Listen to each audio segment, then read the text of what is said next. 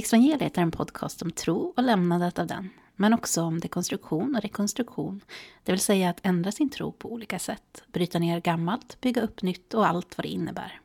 Exvangeliet görs av mig, Hanna Larsdotter, ex-evangelikal, och som ständigt återkommande sidekick har jag ofta med mig Anna, som är ex-mormon. Det här varvas med intressanta gäster som på olika sätt har med ämnet att göra. Tillsammans vill vi stötta, informera och diskutera och du är välkommen att vara med. Vill du stötta podden kan du swisha till 123 628 6298. Märk bidraget med evangeliet. Tack för ditt bidrag och tack alla ni som redan stöttat oss. I dagens evangeliet pratar jag och Anna om avhoppares röster, om de får bli hörda och hur de tas emot i den kyrkliga kontexten. Med underlag för detta använder vi oss av en artikel skriven av teologen Joel Halldorf och min ej publicerade replik på den här. Varför lämnar en person sin tro? Kan man säga att det finns rätt och fel anledningar till att lämna tron? Och vem avgör i så fall det? Finns det någonsin en rätt anledning att lämna tron enligt frikyrkan eller andra religiösa rörelser? Och vad är i så fall den? Som bonus klämmer vi också in lite snack om SVTs nya serie Domedagen. Nu kör vi!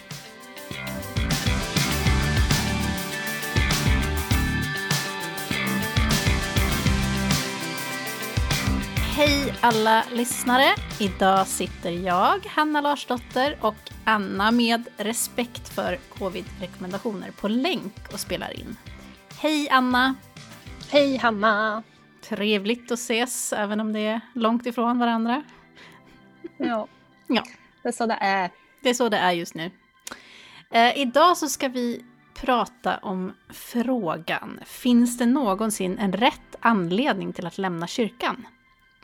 Eh, och vi ska prata om det utifrån Joel Halldorfs artikel som hade rubriken Många lämnar kyrkan i onödan. Den publicerades i tidningen Dagen den 17 september 2020. Men först så ska vi prata om eh, SVTs nya programserie Domedagen som faktiskt sände sitt sista av fyra avsnitt i onsdags. Och Anna, jag har ju blivit eh, tv-kändis. Ja, grattis. Ja, tack så mycket. Jag Mm. vet inte om, om det är så mycket grattis, men jag, eh, det, jag tyckte att det, det kändes bra med, med vad jag sa i den här.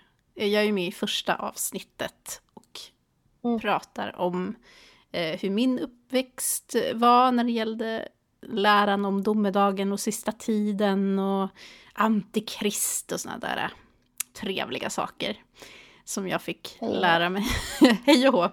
Ja. Eh, och det kändes bra, Mm. förutom att jag eh, vägde 13 kilo mer då än vad jag gör nu. Så det kändes lite... Alltså du förtjänar ju en liten applåd ändå Hanna. Ja, tack. Tack. Mm. Ja. Det som du Mm. sa, skicka ut Jag. ett, Jag har, press, ett pressutskick. Hej alla, jag väger 13 kilo mindre.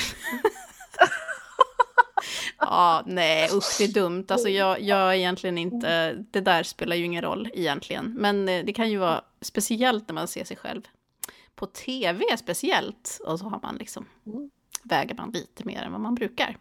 Det, det lägger ju på lite extra kilon där har jag hört på tv. ja. Nej, strunt. Jag tyckte att de hade producerat det väldigt fint i alla fall. Jag har inte kollat på alla faktiskt. Ja, nej men jag tyckte det var en intressant programidé. Alltså just med temat domedagen och inte bara ur ett religiöst perspektiv utan kanske mer den här känslan av domedagen och som pratar om det miljö, alltså utifrån miljöaktivisters perspektiv och utifrån en psyko- psykolog och utifrån religiösa, alltså liksom bara den här känslan av att slutet är nära förestående. Vad gör det med människor? Liksom? Intressant. Ja, Kul att de lyfter det. Ja nej, men jag håller med. Jag tycker att det är ett jätteintressant ämne som ju liksom är, känns väldigt aktuellt idag. Liksom med covid-19 och allt sånt där. Liksom att det, Mm. Och även um, klimatförändringarna och sånt där. Jag har faktiskt pratat med lite folk som inte tycker om att man blandade miljöaktivism med religiösa föreställningar. Okej, okay. vad var deras tankar om det då? Jag tror, jag tror att just de här personerna tänkte liksom att ja, men miljöfrågan är ju faktiskt realitet. Det andra är ju bara hittepå. Just det. det är det som är att vara troende. Det är ju en realitet då. Ja, jag försökte ja. prata om det så också. Liksom att för en troende så är det ju här någonting faktiskt verkligt som kommer att hända. Så att det är ju liksom i den idévärlden så är det ju verkligen någonting verkligt också. Men de här personerna var väldigt eh, lite upprörda över just att man blandade liksom, verklighet mm. med fiktion, typ. Men eh, det är inte så ja. lätt att, att, att liksom leva sig in i att det kan upplevas så verkligt av en person som är troende på domedagen. Precis. Det är faktiskt en intressant eh, tanke på något sätt, eller intressant iakttagelse. Liksom. Mm. Ja, jag håller med.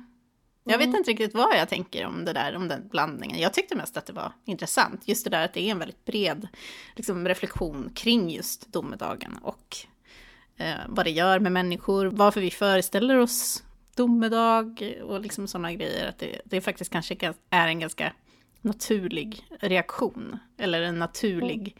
bearbetning för oss människor att föreställa oss att det kommer ett slut på något sätt. Mm. Så jag tyckte nog att det var ganska intressant. Ja, och jag tänker, alltså i och med min resa och kris med det religiösa och alltihopa så har man, alltså jag känner mig så väldigt mycket mer luttrad nu på något sätt. Alltså när man har varit med om, en stor, om ett sånt stort slut på något sätt eh, så känner jag mig ganska så lugn inför saker. Alltså man har verkligen blivit starkare känner jag av att liksom ha överlevt en sån grej. Att det liksom, ja, allt det som att det var så många föreställningar som liksom kraschade och tog slut. Eh, det gör att man är ganska rustad sen tror jag för att liksom förstå att, så här, att man klarar av så stora förändringar utan att man mm. dör av det. Liksom om man tittar tillbaka på historien så är det, alltså, det är ju, alltså, ingenting är ju konstant. Alltså, allting förändras ju hela tiden. Saker kommer alltid till ett slut. Civilisationer, liksom, släkter, liv. Alltså, allting tar slut. Liksom. Mm. Mm. Um, och jag tror att alltså, den känslan av ens egen dödlighet på något sätt. Ja. egen, alltså att det, det är någonting som varje människa på något sätt måste erövra, liksom hur man handskas med det. Mm. Eh, någonstans i sin mognadsprocess. Liksom, och det, liksom, det, Ja, någonstans, någon gång ska vi ju alla, någon gång ska vi ju alla dö till exempel. Det är ju också en sån. Ja. Det har väl kanske lite med, med den här förgängligheten på något sätt som vi ja. alla ställs inför att göra, men i ett större perspektiv. Liksom, så här, det är även liksom, hela jorden ska gå under. Liksom, oavsett om man pratar om klimatkrisen eller om domedagen så finns det ändå den här föreställningen om liksom att hela vår tillvaro ska på något sätt rasa ihop. Liksom. Nej men jo, jag tänker liksom, alltså, som mamma nu till en eh, åttaåring Eh, alltså så, för barn har ju väldigt behov av liksom trygghet och stabilitet och liksom att man ordnar ett liv för dem som är förutsägbart. Annars så mår de inte bra generellt. Mm. Alltså, barn kan inte riktigt hantera förändringar på samma sätt. Så jag tänker väl att det är en del av att växa upp på något sätt. Att man, liksom, att man inser att tillvaron är föränderlig. Liksom, och att saker inte är konstanta som de kanske har varit ifall man har haft en trygg uppväxt. Liksom. Mm. Eh, så att, ja, men bara med hela liksom, coronapandemin här nu, liksom, att det liksom, samhället som vi är van vid, som vi är vana att det är, det, liksom, det förändras och det, det medför kriser hos människor liksom, på olika sätt. Intressant tema. Um, en, ett perspektiv då i den här domedagen, det var ju då det liksom frikyrkliga perspektivet. Där jag hade någon typ av, eh, liksom, de pratar inte om att jag är avhoppare i programmet, men de tror jag vad jag kommer ihåg i alla fall, utan det var mer om att... Nej, jag tror inte jag, de nämnde det. Nej, utan det var mer, jag växte upp i det här, och vad tycker jag om det? Liksom, vad tycker jag om att barn växer upp med såna här typer av föreställningar och så vidare. Mm. Eh, och sen fanns det ju också Holger Nilsson som var med. Eh, vi ska gå, jag ska gå in på honom lite senare också. Eh, som någon slags motpol då. Han blev ju nästan någon slags representant där för frikyrkan. Mm. eller vad man ska säga. Och han är ju ganska radikal i sina eh, tankar kring domedagen och vad Bibeln säger om domedagen och att i princip att vi verkligen lever i sista tiden just nu och att corona och covid-19 är liksom ett, liksom ett symptom på det och därför så borde vi, borde vi säga, borde frikyrkan predika ännu mer om det här, att liksom vara aktsamma på att det här kommer. Eh, och det kom ju lite respons eh, på domedagen i, eh, i den eh, kristna tidningen Dagen till exempel. Mm. Eh, en Fredrik Venell skrev den 12 november 2020 en respons. Eh, rubriken var Nej domedagen, kristna gläds inte åt covid-19. Och underrubriken var SVT behöver uppdatera sin syn på frikyrkliga. Eh, han menar då i den här eh, artikeln att Sverige inte behöver mer fördomsfulla beskrivningar av minoriteter och att SVT beskriver frikyrkliga på ett sätt som väldigt få i frikyrkliga församlingar känner igen sig i. Och här tar han upp mig då som ett exempel eh, på hur frikyrkliga beskrivs med historiska exempel. Jag är ett, jag är ett historiskt exempel. Mm -hmm. Det tyckte jag var kul. Väldigt för historisk. jag är för historisk. Relik där. Mm. Exakt. Jag mm. beskrivs som en kvinna som vuxit upp i en frikyrklig miljö där undervisningen om Jesu återkomst gjorde att hon var rädd för vad som skulle hända. Och han håller i den här artikeln med om att så var det på 80-talet. Eh, eftersom han tydligen liksom själv känner igen sig i mina beskrivningar. Mm. Men han ställer också frågan om det verkligen är kännetecknande den här synen på, för de flesta frikyrkoförsamlingar idag. Har du några reflektioner på, på den här? Mm, men det här är väl ett eh, klassiskt exempel på det som vi har tagit upp i våra tidigare avsnitt. Det här med, vi har pratat om avhopparstereotyper och sånt där. Eh, och andra, liksom bara exempel på bemötandet man som avhoppare får från de som är kristna fortfarande. Mm. Hur tänker du då? Nej, men att, att man slår ifrån sig det på det här sättet. Liksom, mm. Att det är så här, ja men så var det då, eller så var det kanske för henne, men så, var inte, så är det inte nu. Och så, alltså, mm. alltså, det kan ju kanske ligga någonting i det. Alltså, det är väl bara härligt ifall frikyrkligheten har utvecklats bortom det, men jag menar det är inte så länge sedan. Eh, så att, eh, liksom, är det en kritik? Jag vet inte om vi får liksom, säga en kritik av frikyrkan. Eh, och att inte möta det med ett Oj, vad hände för dig? Alltså, hur blev det så här? Hur är det idag? Hur, liksom, hur har ditt liv präglats av det här? Liksom, du säger att du var rädd som barn för det här. Det är ett ganska stort trauma för ett barn egentligen. Mm. Eh, och att liksom vifta bort det och avfärda det på det sättet tycker inte jag, så gör man inte riktigt. Alltså, det är inte riktigt ett respektfullt förhållningssätt tycker jag, eh, av honom där. Och det är ganska, alltså, han är inte den enda som möter kritik från avhoppare på det sättet utan det är väl ganska genomgående. Alltså, jag mm. känner igen det jättemycket också från mormonkyrkan. Liksom, att, mm. man, eh, att man avfärdar kritik på det här sättet hela tiden eh, och liksom inte förmår eller inte, jag vet inte, man har inte en eh, eh, kultur av att liksom granska sig själv på det sättet, tror jag. Mm. Vad säger du? Ja, nej, jag blev lite besviken på hans artikel här och jag kan ju förstå att han tycker att det var väldigt så här, här har vi en sida som är jätteextrem, enligt honom. Och, mm. och så kommer det någon som har blivit skadad av det. Liksom. Mm. Jag förstår att han gärna hade velat ha en mer liksom, modern bild av den frikyrkliga som är liksom mer liberal, i, som har kanske en mer mm. Eh, nyanserad tol teologisk tolkning av vad Bibeln säger om sista tiden. Jag förstår det. Liksom. Jag förstår hans frustration. Eh, mm. Men jag kan också känna liksom att ja, visst kan det vara så. Eh, det kanske hade behövts liksom en slags modern, snäll frikyrklig röst. Eh, men jag kan också tycka liksom att det läggs alldeles för lite betoning på okej, okay, det är ett problem att Holger Nilsson går ut och säger de här sakerna. Och han representerar ju en del av frikyrkan. Frikyrkan är ju väldigt bred. Alltså det finns ju otroligt många inriktningar. Liksom, mm. Och det är ju jättesvårt att få med alla olika tolkningar som, no som frikyrkliga gör av Bibelns texter kring domedagen. Alltså, mm. ja, då skulle man ju behöva göra nästan bara ett program om frikyrkans syn på domedagen. liksom.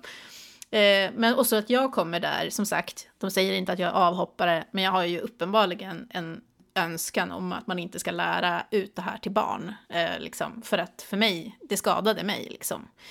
Eh, mm. och, och, också det här liksom att jag, jag känner liksom att, ja men vadå, det finns väl jättemånga, tänker jag, som tänker som Holger Nilsson. Alltså som tänker att vi ska verkligen tolka in Bibelns profetior i covid-19 och liksom, jag menar det har folk gjort, alltså mm. hela min uppväxt, alltså jag föddes, jag, jag växte upp 80-90-tal då i kyrkan, men jag menar även liksom sen när jag blev liksom lite äldre och flyttade till Stockholm för att gå bibelskola så känns det fortfarande som att det fanns ganska mycket, så det var ju liksom ett fokus. Alltså det finns ju en föreställning om att Jesus ska komma tillbaka uppenbarligen. Och vad kommer hända då? Jo, men då kommer ju en domedag. Liksom. Alltså det är, varför kan man inte bara liksom erkänna det och prata om det? Och så, oavsett vilka teologiska krumelurer man gör så är det ändå så här, ja men det kommer en domedag. Alltså Jesus kommer tillbaka. Gud eller Jesus eller vete fan kommer att liksom döma levande och döda till en himmel mm. eller till ett helvete, helvete eller till någon slags tusenårsrike eller jag vete fan, liksom, jag bryr mig inte. Men alltså, det, det, finns ju liksom den här föreställningen. Och jag förstår liksom inte varför man måste liksom, låtsas som att det inte finns nästan. Ja. För mig blir det så liksom. Jag som inte längre tror på det, liksom, jag kan bli så här, men hallå, kan vi inte bara liksom erkänna att det är ju så. Det finns ju ni, där ni någonstans. Tror, ni tror ju att världen ska brinna liksom. Ja, alltså, men eller hur? Det vet ju vi. men det, jag blir också lite så här, alltså för ett, som medlem i ett sånt här samfund så får man ju höra liksom den odelat positiva bilden hela tiden. Man tar ju inte in röster från avhoppare till exempel, man tar inte in kritik. Utan det går ju ut väldigt mycket på att måla upp det här samfundet som liksom det bästa någonsin. Eh, och att Alltså, det där känner jag väl igen ganska mycket också så, när jag var troende mormon att man fick den här väldigt den enkelspåriga, eller man ska säga den ensidiga bilden av liksom, mm. allt det fina, alltså totalt överdriven också. Mm. Liksom, det här är bäst. Alltså det, det, vadå? Det är den enda sanna vägen till lycka. Jag menar, det kan inte bli mycket mer positivt än så. Mm. Så liksom bara att få höra en kritisk röst eh, som man liksom pratar ute i liksom demokratin i samhället i stort. Liksom. Där, där ser man ju på allting med så här, okay, vi måste ta upp positivt och negativt om allting. Liksom. Tar man upp bara positivt, ja men då är det en reklamfilm. Liksom. Och det är inte det SVT ska göra. SVT ska inte göra en reklamfilm för frikyrkan. Det känns som att det är lite det han vill ha. Typ. Eh, och då, ja, kanske. Ja, mm det är liksom, de pratar om domedagen och Holger mm. Nilsson representerar en röst om det. Mm. Han representerar inte frikyrkan egentligen. så. Alltså, ja. Jag ska fortsätta gå igenom artikeln, men jag tänkte fråga dig, för det är i, i ett av programmen, jag tror att det kanske var andra programmet, eh, så mm. är det ju också mormoner med och berättar om sin syn på domedagen. Mm. Vad hade du för tankar när du såg det?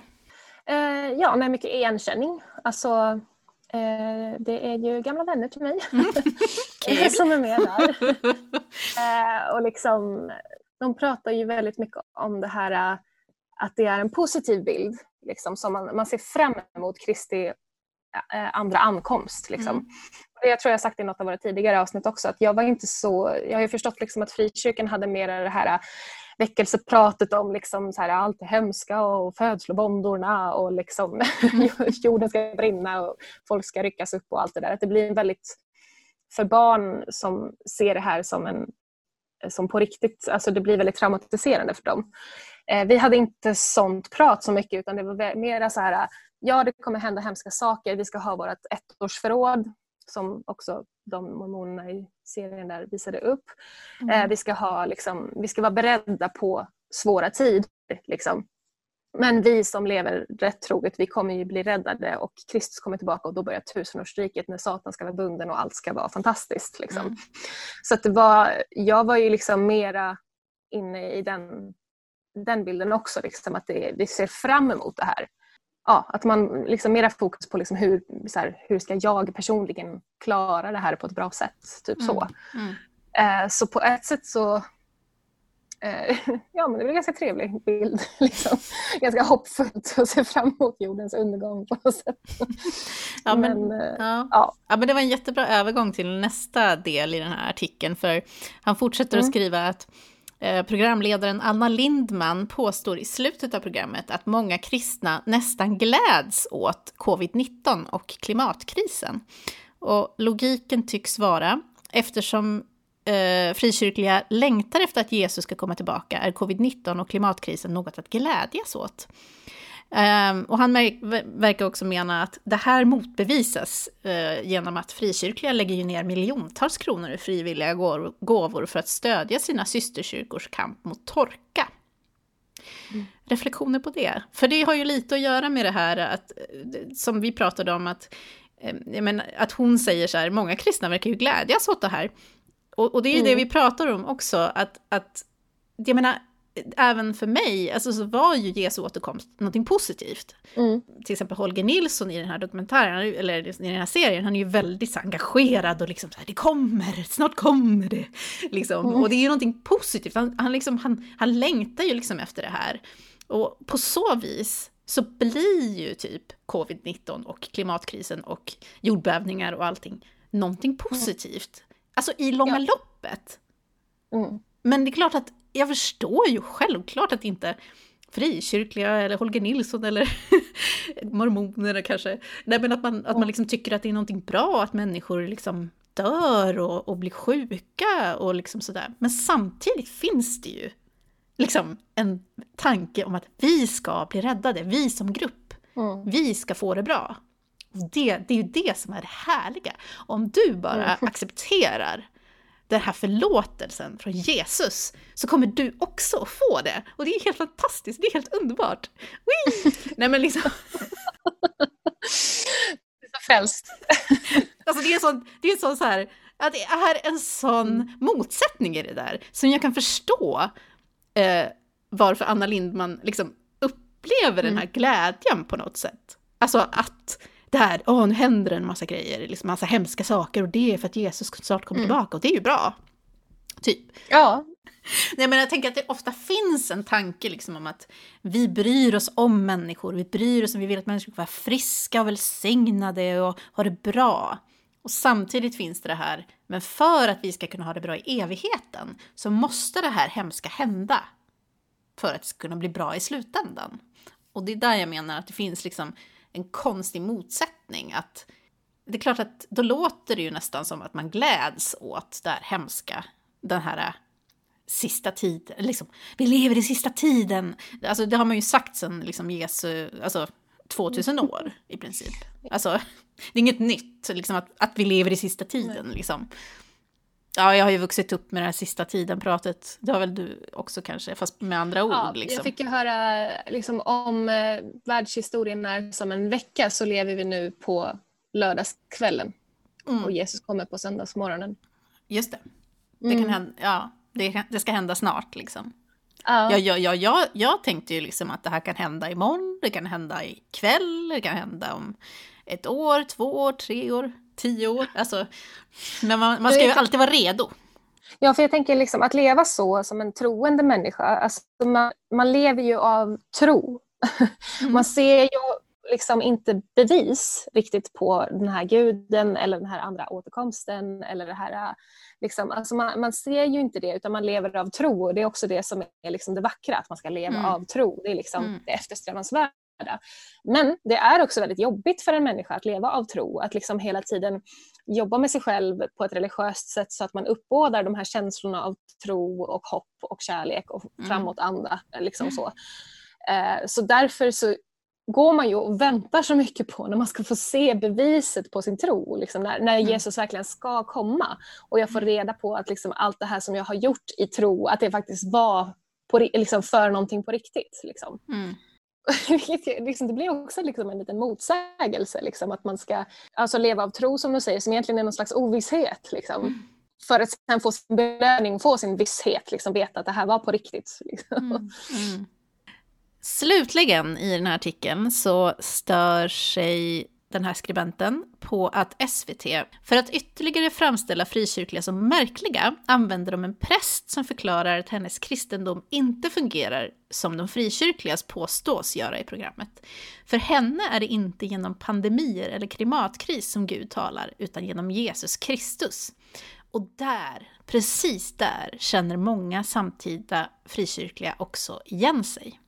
Så han menar då, antar jag, att prästen blir en motsats mot det som frikyrkliga påstås tycka och känna och tänka och tro. Mm. Eh, och det verkar störa honom väldigt mycket. För han menar då att det är precis det som många samtida frikyrkliga känner. Alltså, och jag, jag, alltså jag kan verkligen förstå hans frustration. Alltså jag fattar. Mm. Vad tänker du om det här? Liksom? Ja, alltså igen så känns det som att det är liksom en liten missuppfattning i vad det här programmet ska vara. Alltså, som sagt, det ska inte vara en reklamfilm för frikyrkan. Det ska inte vara liksom, en representativ bild av hela frikyrkan. Alltså, det, det är inte, alltså, journalistik är ju ofta så liksom, att man lyfter olika röster. Så här, okej, Holger Nilsson säger så här, den här prästen säger så här. Det var liksom två röster från liksom några ytterligheter av kristenheten. Och jag som tittare, jag förstår ju det. Mm. Alltså, som en någorlunda allmänbildad svensk så förstår man ju att frikyrkan är stor och bred och har många olika röster. Alltså, mm. Mm. det är inte så att jag tror att, så här, att jag tittar på Holger Nilsson i det här programmet och tror att alla frikyrkliga säger som han. Alltså det, mm. det förstår man ju som tittare.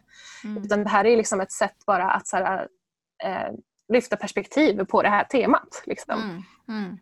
Men, men alltså jag känner igen mig också liksom, från när jag var troende. Liksom, att man ville putsa på den här bilden av mormonkyrkan hela tiden. Liksom. Alltså, alltid när det kom en artikel så liksom läste man ju den och man var ju så på helspänn. Liksom, ah, nu representeras vi någonstans för den stora allmänheten och då måste det sägas på rätt sätt. För att det är ju så bra, liksom, folk förstår ju i allmänhet inte att vi är så bra.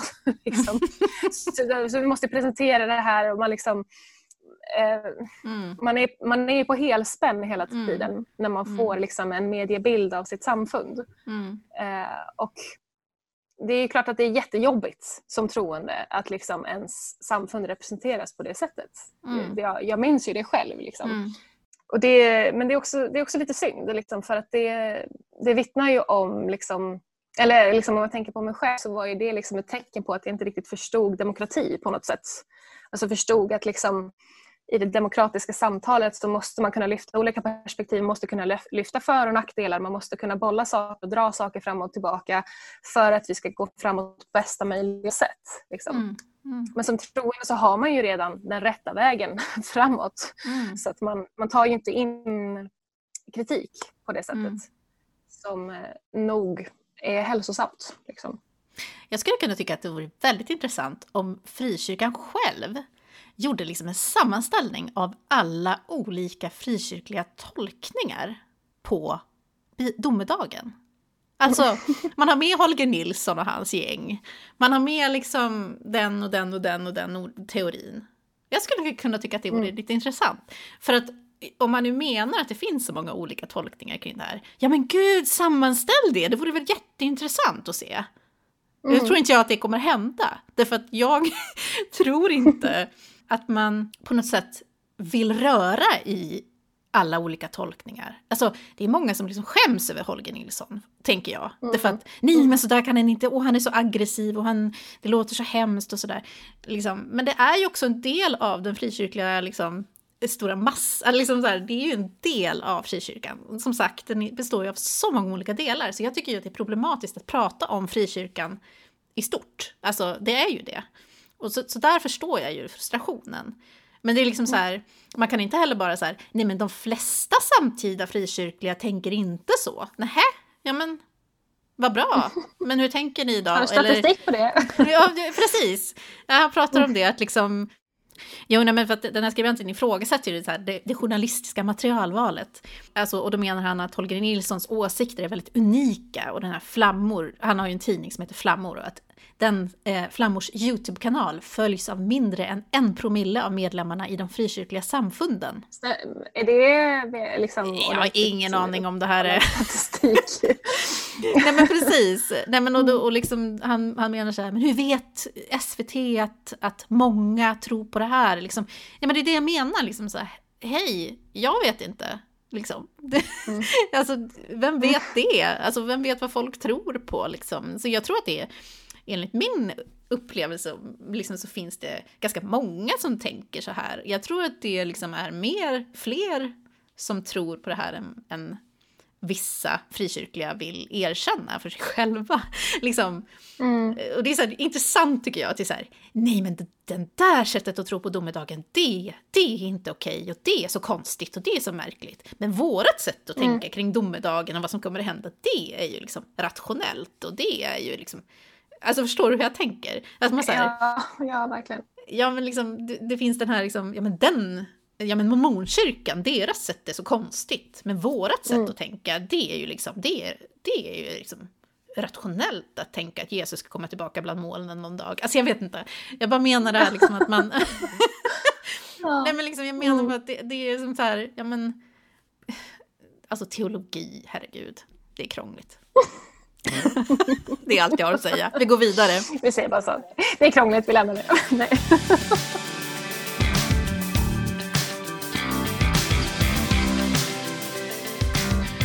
Vi går vidare. En annan person då, förutom eh, jag, som deltog i det här första avsnittet av SVTs Domedagen är teologen och författaren Joel Halldorf. Eh, och hans eh, forskning som han håller på med, det är framförallt inriktat på modernitet och religion samt svensk frikyrklighet.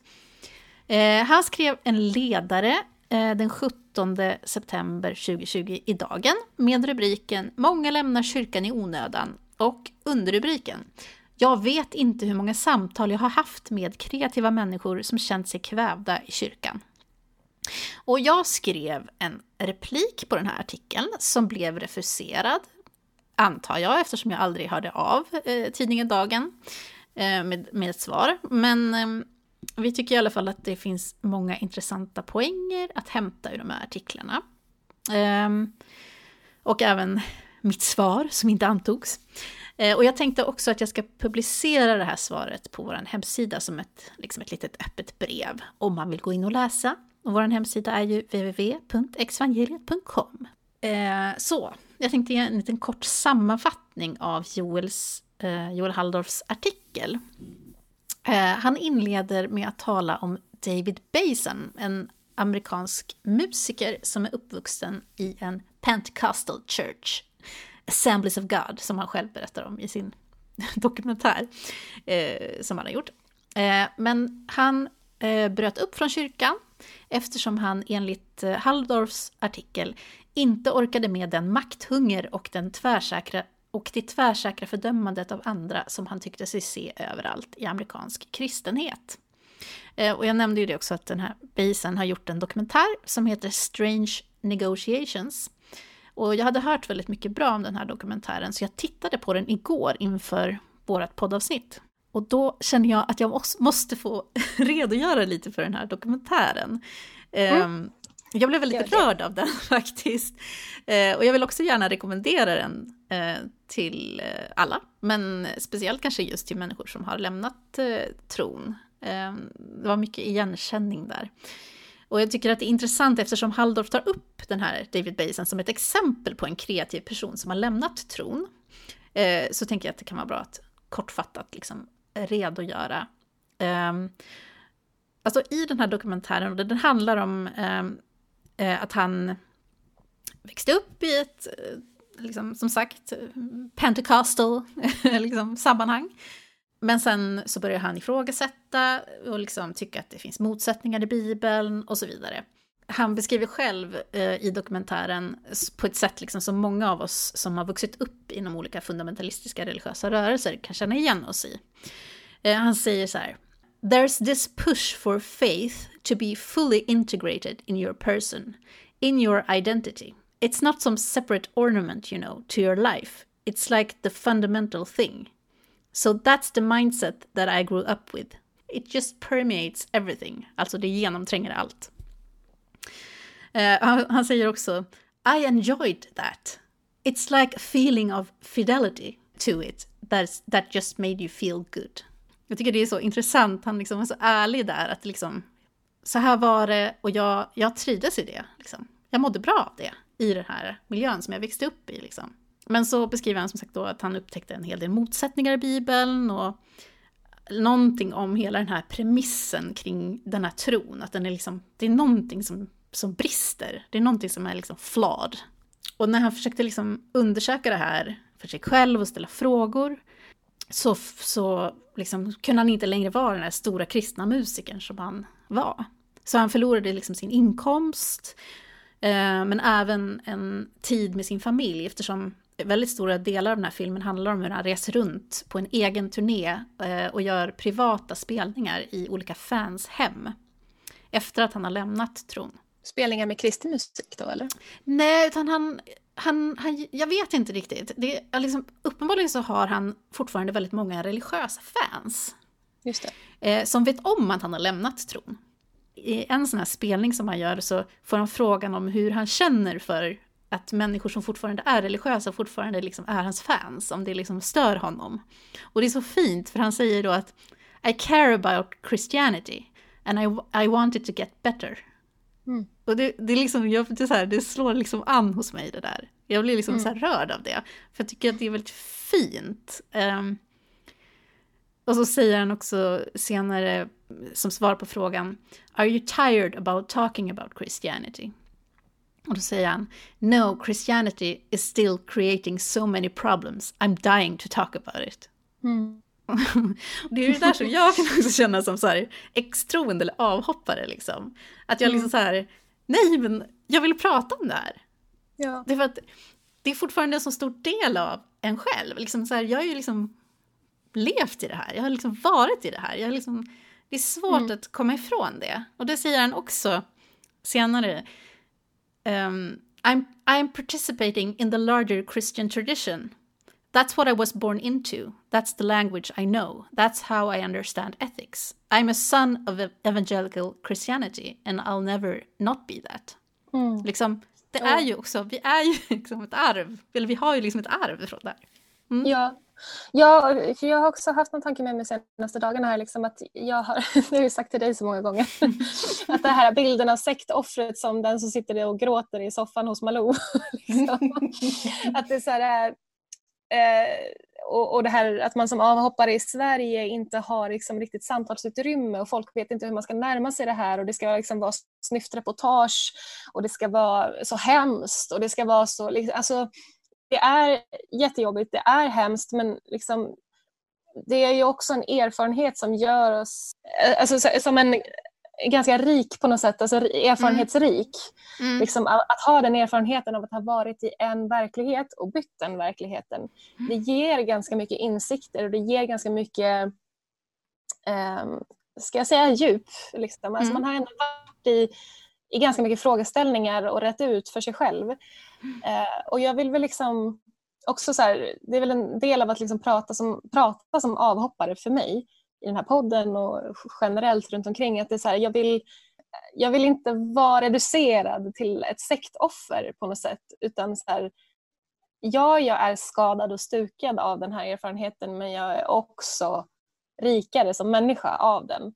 Och jag mm. vill att det ska vara Alltså för det, det, kan också finnas någon sån här idé om att man inte ska identifiera sig med sitt gamla, att man ska kunna mm. ta sig vidare och leva ett normalt liv. Mm. Mm. och att man liksom inte ska vara, man ska inte grotta för mycket i det där, man ska förlåta och gå vidare. Typ. Man ska inte bli bitter, man ska, man ska liksom, det finns så många idéer, både från liksom sekulära samhället och från kristna samhället. Och från, alltså det finns så många idéer om vad det är man ska bli. Men någonstans, det är jättefint som man säger det. Alltså, vi kommer ju aldrig, jag kommer ju alltid vara en ex-mormon. Alltså det, det, är ju så. Jag är ju född mormon. Det är, liksom, det är som att vara född i ett annat land lite grann. Ja. Eh, och jag kommer alltid vara det. Alltså jag kan aldrig mm. inte vara det, som han säger. Tycker det är mm. jättefint, jag håller med dig. Jag vill på något sätt stärka den identiteten som avhoppare. Mm.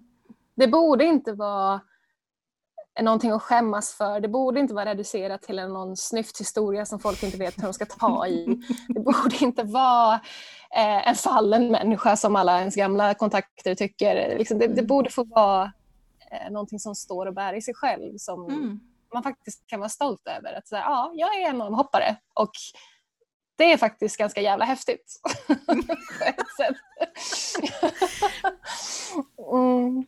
Ja, jag, alltså jag håller verkligen med dig. Alltså jag tror på något sätt så här, ja, men alltså man, jag i alla fall känner det, alltså jag måste acceptera det jag kommer ifrån. Alltså på något sätt så här, jag måste ju se det som en realitet. Mm. Men jag måste också se min nuvarande eh, position som en realitet. Och i och med att jag gör det så måste jag relatera till det jag har varit med om. Mm. Och, och jag, liksom, jag, jag tror ju personligen då att liksom, även de som har lämnat tron och kyrkan mm. Eller gått vidare liksom, i ett annat samfund eller vad som helst. Men jag tror att vi har jättemycket att tillföra kristendomen, eller liksom, alltså den tro vi har lämnat, vilken religion mm. det nu är.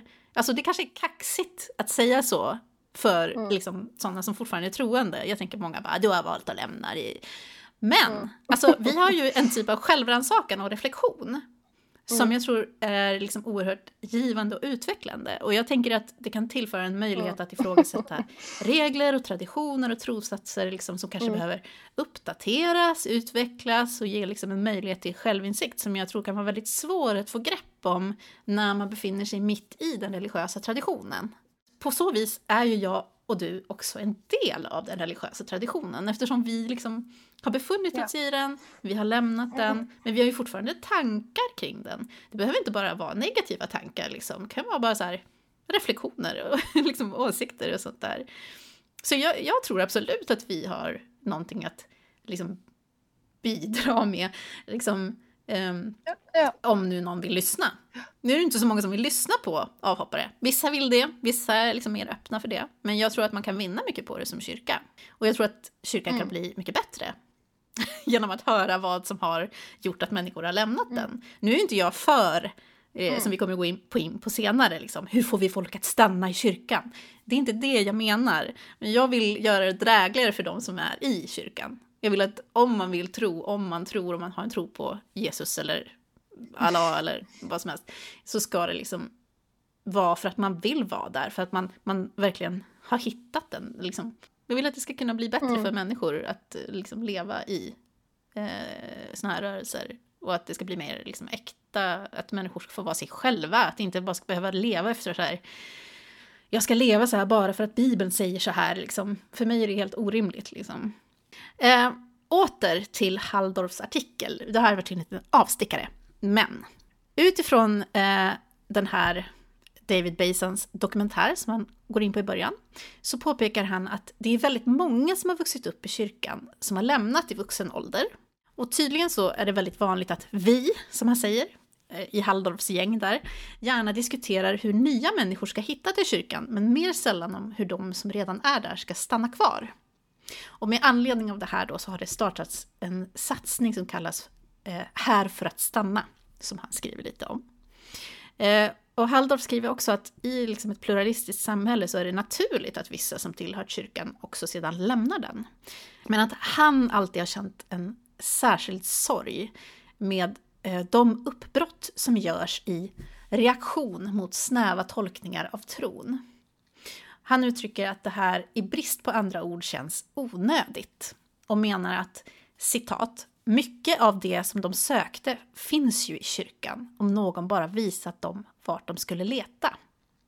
Och det här bygger Halldorf eh, då på att han har haft väldigt många samtal med kreativa människor som har känt sig kvävda i kyrkan. Och han hänvisar också här till att man visst kan vara kreativ i kyrkan. Med exempel från vad han kallar för vår tids största konstnärskap som sprungit ur den kristna tron, såsom Tolkien, som inte alls hade några problem med att förena fromhet och konstnärlighet. Eh, och därför så undrar han varför ingen inom kyrkan lyft fram till exempel tolken som förebild för kreativa personer. Och så vidare. Reflektioner på den. Väldigt lång. Ja. Ja, ja, ja, ja, finns mycket eh, att eh, plocka där. Alltså, jag eh, utläser någon slags vilja till omsorg, tror jag, Mm. från Handolf. Alltså att han ändå vill bry sig om folk och vill liksom vara vidsynt på något sätt. Men jag tycker han snubblar eh, när han utgår från liksom att, ja, men som du säger, som den här satsningen också, här för att stanna. Mm. Att han uttrycker sorg när någon bryter upp. Eh, och liksom det utgår ju från på något sätt att det kristna livet är det bästa. Det läser jag ut. Eh, och de tycker det är sorgligt när människor lämnar. Och onödigt. Onödigt och sorgligt och liksom, åh, det hade bara liksom, om du bara hade hittat rätt väg så hade du Mm. kunnat stanna.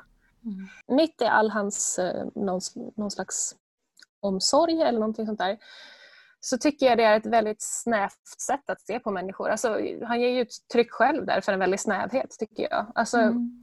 Jag menar, en människas vandring genom livet är väldigt, alltså väldigt individuell. Mm.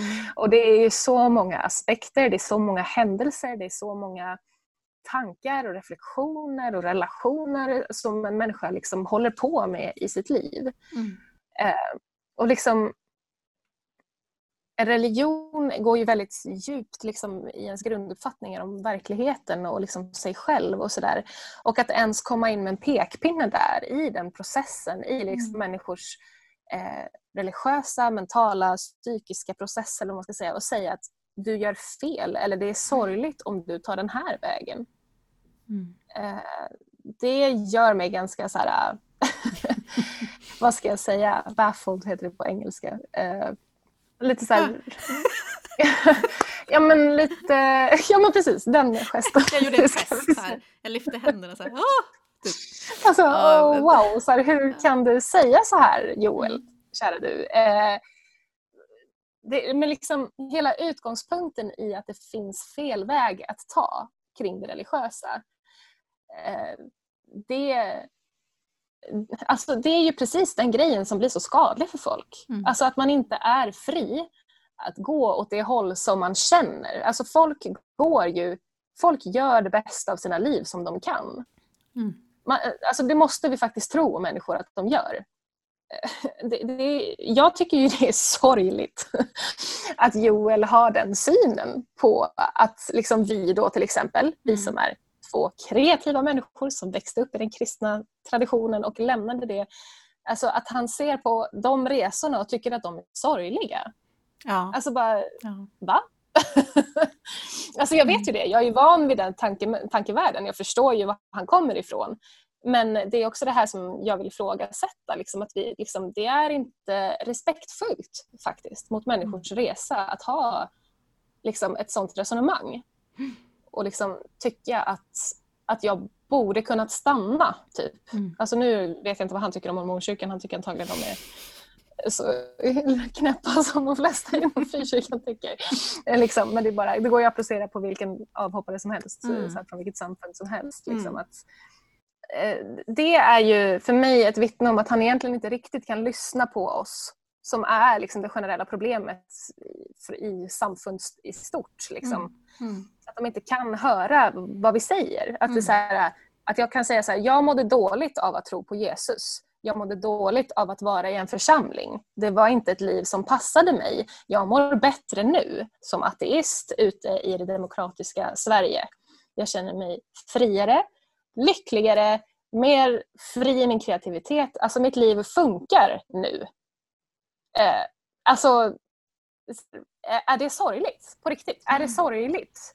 Mm. Se, se mig i ögonen och säg det. Jag blir så provocerad liksom, av Ja.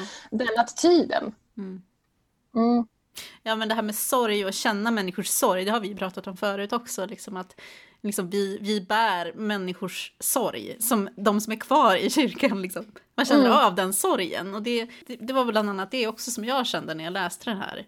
Eh, Att han tycker att det är sorgligt. Och just det här, ja men som jag reagerade på också, det här, de uppbrott som görs i reaktion mot snäva tolkningar av tron. Alltså det är som att lämnandet är någonting väldigt reaktivt. Alltså du vet, man reagerar på någonting och så lämnar man i någon slags affekt eller jag vet inte. Det, jag upplever, upplever det som att det är en ganska vanlig tanke liksom. Att man blir arg eller besviken eller liksom något sånt där.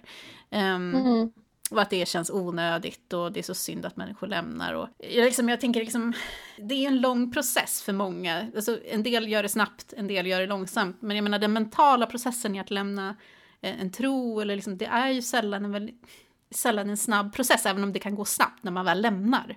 Men liksom, jag menar, mm. det är ju pågående tankar och reflektioner som man har under kanske en ganska lång tid. Mm. Men också den här, här citatet, liksom, mycket av det de sökte finns ju i kyrkan om någon bara visat dem var de skulle leta.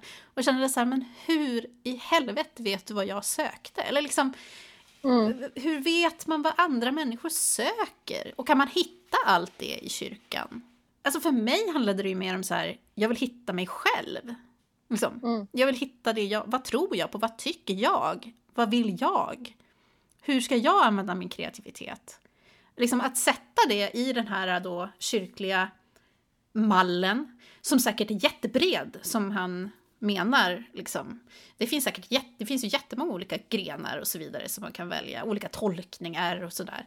Men liksom för mig handlade det ju inte om det. Liksom, som sagt, som jag pratat om flera gånger, som jag tappade min övertygelse om att liksom, Jesus är den enda vägen och att Gud finns. Alltså, var hittar jag det i kyrkan. Det, det, finns ju liksom inte i kyrkan. Där måste jag ju Nej, på något det, sätt lämna. Det som är kyrkan. Liksom. Ja, liksom. alltså tappar jag den övertygelsen.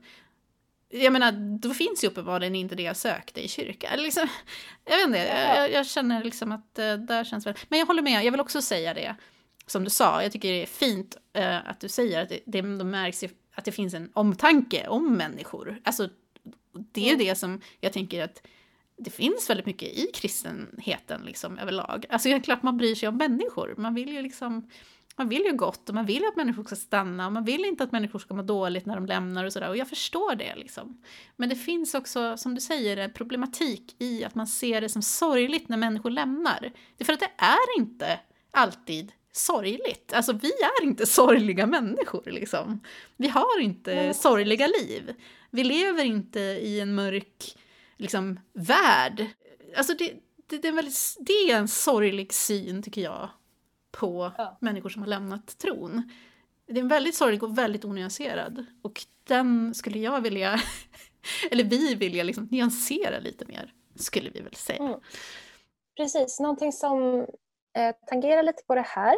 Eh, vi har en lyssnare som heter Amanda Eh, som jag, jag har varit lite i kontakt med. Hon har eh, en blogg som heter amandasminnen.com eh, som jag kan tipsa våra lyssnare om. Eh, hon skrev ett inlägg den 26 augusti 2020 eh, som har titeln Vanliga fördomar om ateister. Den ateistiska världssynen är otrevlig. Och det är väl lite samma här, liksom. alltså att Joel tycker det är sorgligt att man har lämnat eller att en ateist har en otrevlig världsbild. Alltså liksom, det är lite mm. samma stuk på, på attityd som hon bemöter här på ett väldigt bra sätt. Så jag tänkte läsa lite. Mm. Eh, hon skriver så här. Självklart skulle jag vilja ha ett evigt liv och komma till ett paradis efter döden. Självklart skulle jag vilja att det fanns en objektiv moral utanför våra subjektiva sinnen. Självklart skulle jag vilja ha lätta svar på svåra frågor om livets uppkomst och livets mening, givna från en gud. Självklart skulle jag vilja trösta mig i tuffa stunder med tanken på att en högre kraft bryr sig om mig. Och självklart skulle jag vilja ha en värld full av magi, mirakler, gudar och väsen. Mänskligheten har ett stort behov av tröst, men att X ger tröst betyder inte att X är sant. Och det är, alltså, jag förstår ju som troende när man står med den här, man står med det här svaret, man står med den här trösten, man står med den här guden, den här livets mening, man står med allt det där fantastiska. Och det är självklart att man tycker det är jättesorgligt när någon lämnar den vägen. Men alltså anledningen till att jag lämnade, alltså nu pratar jag utifrån mig, mig. Eh, jag lämnar ju inte för att jag vill voltera mot Gud. Liksom. Eller för att jag vill avsäga mig Guds välsignelser eller för att jag inte vill komma till paradiset efter döden. Alltså det är inte därför jag lämnar. Utan jag lämnar det för att jag slutar tro på att Gud finns. Liksom. Och jag tror att den, bara den tanken är nog ganska hemsk för en troende att tänka sig. Alltså, för jag som ateist, jag tror inte att det finns en himmel. Jag tror inte att det finns en gud. Jag tror inte att det finns en objektiv moral som Amanda skriver eller en Gud som tröstar mig om jag ber. Det, det finns inte längre för mig. Alltså, och eh, Det är klart att det jätte, var en jättekris att liksom inse att det där som jag hade trott på inte var på riktigt. Liksom. Men det, det är ju det som är min tro nu. Mm. Eh, så jag vet liksom inte... Jag, ja, det är sorgligt kanske, mm. men det är också min realitet. Alltså jag tror ju att det förhåller sig så. Eh, det, kan, det är sorgligt men det är realistiskt för mig. Mm. Liksom. Ja, jag, jag blir liksom... Jag tycker inte, jag tycker verkligen inte att man kan stå och ha åsikter och pekpinnar om folks resa in och ut ur de här sammanhangen. Liksom, mm. För att man, så, som du säger, som frågan på det här programmet, finns det någonsin en rätt anledning? Anser mm. Joel att det finns en rätt anledning? Mm. Finns det en rätt väg i allt det här otroligt intrikata resan som varje människa gör? Mm. Eh, det, jag, alltså, nej, eh, säg inte så bara. nej, nej. Ja, men precis.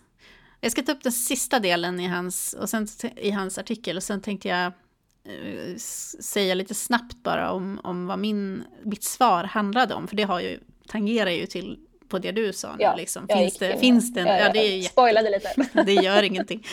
Eh, nej, men det här med finns det liksom någonsin en rätt anledning? Typ. Men hur som mm. helst, vi tar upp det sen. Eh, mm. han, Halldorf tar i alla fall upp eh, i, i slutet där i sin artikel upp, eh, han tar upp andra exempel på varför människor lämnat kyrkan.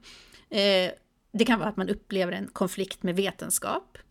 Eh, och det här menar han eh, dock inte borde vara ett problem eftersom både Big Bang och viktiga delar av evolutionsteorin har formulerats av kristna vetenskapsmän. Det är alltså inte en bra anledning att lämna om man börjar om man tycker att det är konflikt mellan religion och vetenskap. Eh, mm. Sen menar han att idag så är det mest eh, moral och, och eh, inte minst sexualetik som gör att unga tvekar på kyrkan.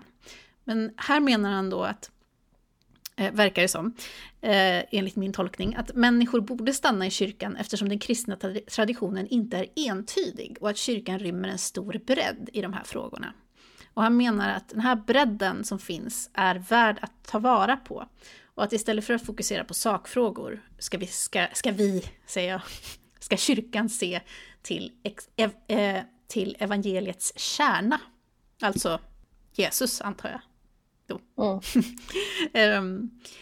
han, han skriver så här. Enhet i det väsentliga, frihet i det perifera. Så peka mot centrum och se till att fönstren står öppna mot hela kyrkans bredd. Visst kommer det fortfarande hända att människor lämnar, men vi bör åtminstone göra allt för att de inte bryter upp av fel orsaker. Ja. Och då kommer vi då till... mm, jag måste andas lite här. Ja. Eh, ja, då kommer jag eh, till min replik som eh, ju inte blev antagen, men mitt huvudfokus i repliken var att ifrågasätta just det användandet av eh, fel orsaker. Människor ska inte lämna fel orsaker. Och min fråga som jag skulle vilja ställa till Halldorf och hela frikyrkliga världen och även kanske mormonkyrkan, jag vet inte, men liksom finns det någonsin en rätt orsak att lämna kyrkan och tron? Och vad är i så fall den? Eh, och det är en jätteintressant fråga, tycker jag. För att för mig så upplevde jag in, upplever jag inte att någon tycker att det finns en rätt orsak. Alltså, det är ju liksom... Det måste ju alltid vara fel att lämna Gud på något sätt. Mm. Vad, det, vad, vad, finns det för rätt orsak till att lämna kyrkan? Finns det en sån? Mm. Vad tänker du? Ja, nej, jag, jag fastnade lite på det där som han skrev i slutet, där, liksom, att peka mot evangeliets kärna. Mm. Liksom. Eh, och det där känner jag igen jättemycket från mormonkyrkan, liksom att man pratade så mycket om så här, att vi ska fokusera på Kristus, liksom, vi ska fokusera på det väsentliga. Liksom, så. Och sen så skulle man inte bry sig om liksom, ifall människor var dumma eller om man blev sårad eller om mm. det var liksom, någon ledare som sa någon konstig grej eller så. För liksom, bara vi fokuserar på Kristus så blir allting bra. Mm. Eh, och det där är också lite farligt tycker jag för att det liksom kan ju lätt bli då liksom att, att man struntar i att ta hand om det, det som är runt omkring. Mm. Eh, liksom. att om någon blir sårad eller om någon ledare säger någonting som är tokigt, att det liksom inte blir giltiga anledningar till att till exempel lämna eller att kritisera eller sådär, utan att det bara blir så här, ja nej men fokusera på Kristus. Liksom. Eh, strunt i det där, fokusera bara på Kristus. Och det är liksom de här sakerna i periferin ändå som kan gå fel, eh, de, de kan ha sönder människor. Mm. Liksom. Mm. Alltså folk kan ju bli så skadade i kyrkliga sammanhang så att det, liksom, de inte, det inte finns något kvar av dem nästan. Mm. Eh, och liksom, det finns ju massa som är liksom andligen, eller man ska säga, eh, manglade liksom av någon pastor som fick för sig någonting och liksom fick in den här personen på den vägen. Alltså det är mm. liksom, det, det blir så... Man måste ju kunna se till helheten liksom, och säkerställa att, man gör så, alltså att det blir så bra som möjligt i alla situationer, mm. i alla delar av kyrkan. Mm. Man kan ju liksom inte så här, avfärda det som är i periferin på något sätt. Liksom. Eller han säger att det ska vara en frihet i det perifera. Och liksom det är väl någon slags önsketanke som han har förstås. Mm. Men liksom, Ja, då uppstår Knutby ja. till exempel. jag skojar. Ja, men... Jag skämtar men... det... Ja. Man, man, kan liksom inte se förbi alla de sakerna heller. Liksom. Ja, nej men en, en, en liten sammanfattning här då i slutet um, mm. av detta långa avsnitt. Ett, ett slutord här nu då, vad jag tycker eh, om det här med rätt anledning. Jag liksom anser ju att det ska vara lika accepterat att lämna kyrkan som att stanna kvar i kyrkan. Eh, mm -hmm. Jag tycker att det är problematiskt när det bara talas om att behålla människor och att det är tragiskt och sorgligt när folk lämnar. Och mm. eh, jag, jag tänker att, att rätt anledning att lämna kyrkan ska kunna vara vilket som helst i princip. Jag vill inte längre.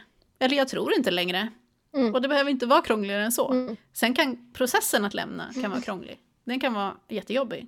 Men att, att lämna bör inte vara eh, liksom förknippat bara med sorg och elände. Utan det, vissa människor ska inte vara i den miljön. Vissa människor vill. Amen, Vissa människor vill inte vara i den miljön. Vissa människor kan inte utvecklas till fullo i den miljön. Jag kunde inte det. Vissa mår inte bra. Vissa mår inte bra. Jag Nej. kanske, alltså, liksom, jag kanske hade gjort det. Jag kanske hade träffat andra människor i min, liksom, i min egna personliga utveckling. Eh, jag kanske hade liksom, varit med om andra saker. Jag kanske hade hittat sammanhang där jag trivdes bättre i. Jag kanske hade kunnat vara en super liksom, fri kreativ person och fortfarande tro på det här. Jag vet inte. Jag, liksom, min slutsats blev ju det som jag hamnade i och det för mig ska vara alltså, rent mänskligt och medmänskligt så ska det fan vara lika jävla okej okay som att vara kvar i mm. det här sammanhanget. Ja. Och vad jag tror på eller inte tror på, det är liksom det är liksom nobody's business, känner jag. Jag vet inte, jag, jag, jag bara känner det där liksom, om man, om, man, om man nu tycker liksom att det är så viktigt att prata om hur människor kommer till tro eh, och tycker att det är så himla fantastiskt, då känner jag så här, ja, men då får man ju också acceptera att det är inte för alla och vissa människor mår bättre av att lämna tron. Så är det, mm. bara. Hej och hå. Mm. Men vill man stanna kvar i det och känna att man har en liksom, vill dekonstruera sin tro eller så länge man liksom, tänker jag, alltså det handlar ju om att få, få kritisera, få vända sig in i sig själv. Vad tänker jag egentligen? Vad tycker jag egentligen? Eh, vad vill jag leva i? Vad mår jag bra i? Liksom, hur vill jag förhålla mig till andra människor? Liksom, man ska ha rätt att få ställa sig själv de frågorna utan att känna sig liksom sorglig eller dömd. Liksom. Eller, det är jätteviktigt tror jag och det är ju det vi vill uppmuntra till helt enkelt. Mm. Yes. Anna, har du några sista ord? Ja.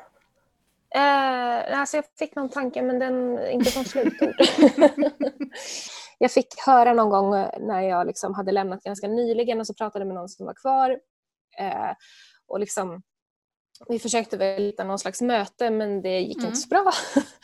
Men någonstans så sa hon också så här, ja nej men alltså det är bara så sorgligt att vi liksom inte träffas längre, att man inte har den här mötespunkten liksom i kyrkan som, där vi sågs flera gånger i veckan. Liksom. Det är sorgligt att du inte är med oss där. Eh, och liksom tog väl upp det som att så här, hon ville ju att jag skulle vara fri för att jag var ju ganska så här, hård i att det här är frihet för mig och det här är rätt för mig och bla bla bla. Så det var ja, ja, ja, du får ha det men vi bara sörjer att du inte är med oss längre. Och liksom, den sorgen kan jag ju också förstå från de mm. som är kvar, liksom att de saknar de som de tycker om att ha i sin grupp. Liksom. Det är ju en fullt mänsklig sorg. Jag menar, det, det sörjer jag också. Jag har varit ganska så här, i den här podden liksom, jag trivs bättre utanför och jag mår bättre utanför. Men det är självklart att jag sörjer alla de relationer som jag hade. Det är en jättesorg i mitt liv att jag inte har eh, kvar alla de människorna runt omkring mig som jag hade. Liksom. Någonstans, det, det är väl också det som skulle liksom vara någon slags önsketanke med, med mitt engagemang i de här frågorna. Liksom. Alltså, tänk ifall vi kunde komma bortom allt det här. Tänk ifall vi kunde liksom hitta sätt att umgås mm. ändå. Liksom för att någonstans som troende så måste man ju också fråga sig så här, varför vill människor inte vara kvar? Alltså varför vill de inte komma hit längre? Antagligen så är det någonting vi gör eller någonting som vi står för eller någonting som, liksom vi, som inte funkar för dem som gör att de inte kommer hit. För jag, menar, jag skulle jättegärna kunna gå till liksom en mormonfest eller någonting och träffa mina gamla vänner. Liksom, mm. Ifall jag hade känt att det funkade för mig. Men jag gör ju inte det på grund av jag liksom, hur resonemangen går, hur livsstilen är, hur, liksom, hur man fungerar tillsammans är inte ett hälsosamt sätt för mig liksom, att vara tillsammans på så därför kan jag inte mm. vara där. Liksom. Eh, och där önskar ju jag att de som är kvar i kyrkorna tar den här självrannsakan och liksom så här, inte bara så här, när någon lämnar så bara dömer ut den personen som fel och konstig och fallen och liksom det, så här, ja, vi måste bara stänga bort liksom det den säger för att vi kan inte ta in det. Utan verkligen se oss som en människa som liksom har gjort det här valet av en anledning. Och menar, hade de där anledningarna inte funnits då kanske jag hade kunnat umgås mm. ändå. Alltså, det, det finns, eh, det finns anledningar liksom, som man kan ändra på ifall man är öppen för det mm. arbetet. Mm. Liksom. Men det är ju någonting för de troende att jobba med mm. på sig själva. Liksom. Jag tänkte dra ett skämt ja. nu om att jag lägger in Imagine med John, John Lennon nu här i slutet av avsnittet. ja, Imagine there's no heaven, it's easy you try. Nej, jag ska inte hålla på. Mm. Jättefina slutord. Den här artikeln av Joel finns i alla fall på dagen jag tror tyvärr att den är stängd för de som inte prenumererar på den. Men vi har ju gett en liten eh, tillbakablick här i alla fall. Tack för idag Anna. Tack så mycket Hanna. Vi hörs. Vi hörs. Ha det bra.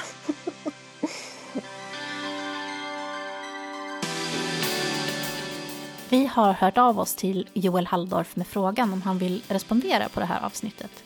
Eller kanske fortsätta samtalet i ett framtida avsnitt. Vi har ännu inte fått svar, men slänger ut en inbjudan även här.